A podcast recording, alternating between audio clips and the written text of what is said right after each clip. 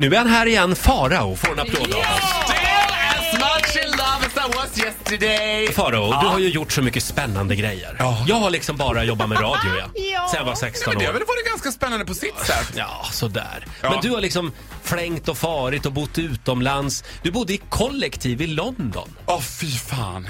Vad var det som hände där? Ja, det gick så där kan jag säga. Alltså så här var det att jag och min allra bästa kompis karl johan vi bodde i kollektiv i London. Vi bodde ihop med två svenska tjejer och två irländska tjejer. Ja. De här svenska tjejerna var liksom goody two shoe och de här irländska tjejerna var liksom bad girls. Den ena tjejen, eh, Eilish, hon var the epiphany av en bad girl. Hon bara inte såg ut som Lindsay Lohan, hon typ var Lindsay Lohan. Hon var helt crazy alltså. Ja, men helt fantastiskt. Men en av de här svenska tjejerna var fruktansvärt jobbig att bo i kollektiv med. Det är typ en av de värsta typer av personer att bo i kollektiv med. Hej du vad- hej om du lyssnar! Ja, hej och lyssna. Hon bara kunde inte ge upp sina egna. Hon var väldigt så här, försiktig och ju- hon var som en konfliktbomb men hon var också konflikträdd.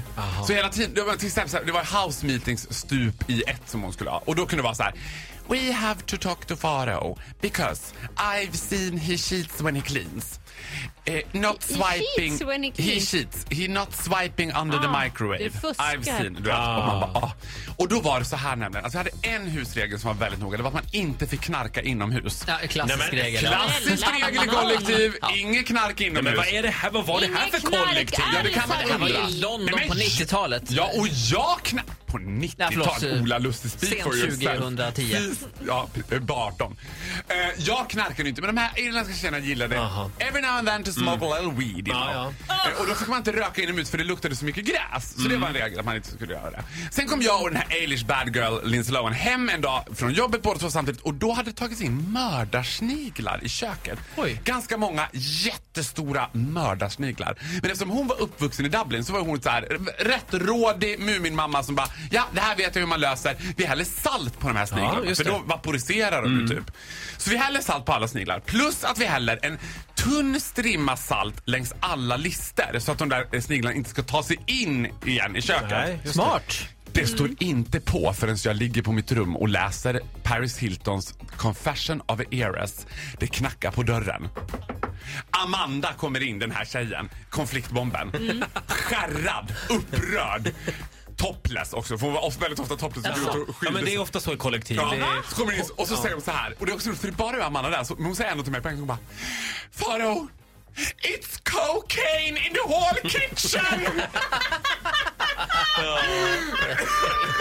och jag bara tänker den synen att de hade gått med dammsugarslang och snortat längs listerna. Hon har alltså trott att det har hällts kokain längs varenda list. Liksom.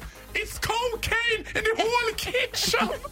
Åh, stackars Amanda. Ja, det var tufft för henne. Det var Vad väldigt tufft för henne. idag, denna underbara människa? Jag vet inte, faktiskt. Och snacka om kapitalförstöring också. Kokain som är så dyrt. Ja, vad ska jag hälla det? Tänk om, Eilish, tänk om jag hade bara Eilish, we put cocaine in the snails. no, not cocaine. Dyra mördarsniglar. Ja, det var väldigt dyra med Ja, ja, Farao. Ja, mycket har varit med om. Ja, är du klar med kollektivboende nu?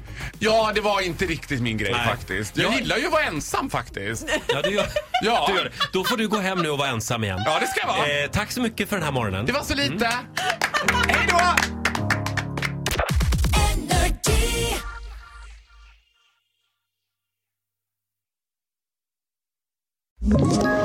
Ett poddtips från Podplay.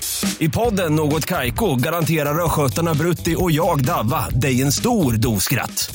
Där följer jag pladask för köttätandet igen. Man är lite som en jävla vampyr. Man har fått lite blodsmak och då måste man ha mer. Udda spaningar, fängslande anekdoter och en och annan arg rant. Jag måste ha mitt kaffe på morgonen för annars är jag ingen trevlig människa. Då är du ingen trevlig människa, punkt. Något Kaiko, hör du på Podplay. Därför arkadeinerna.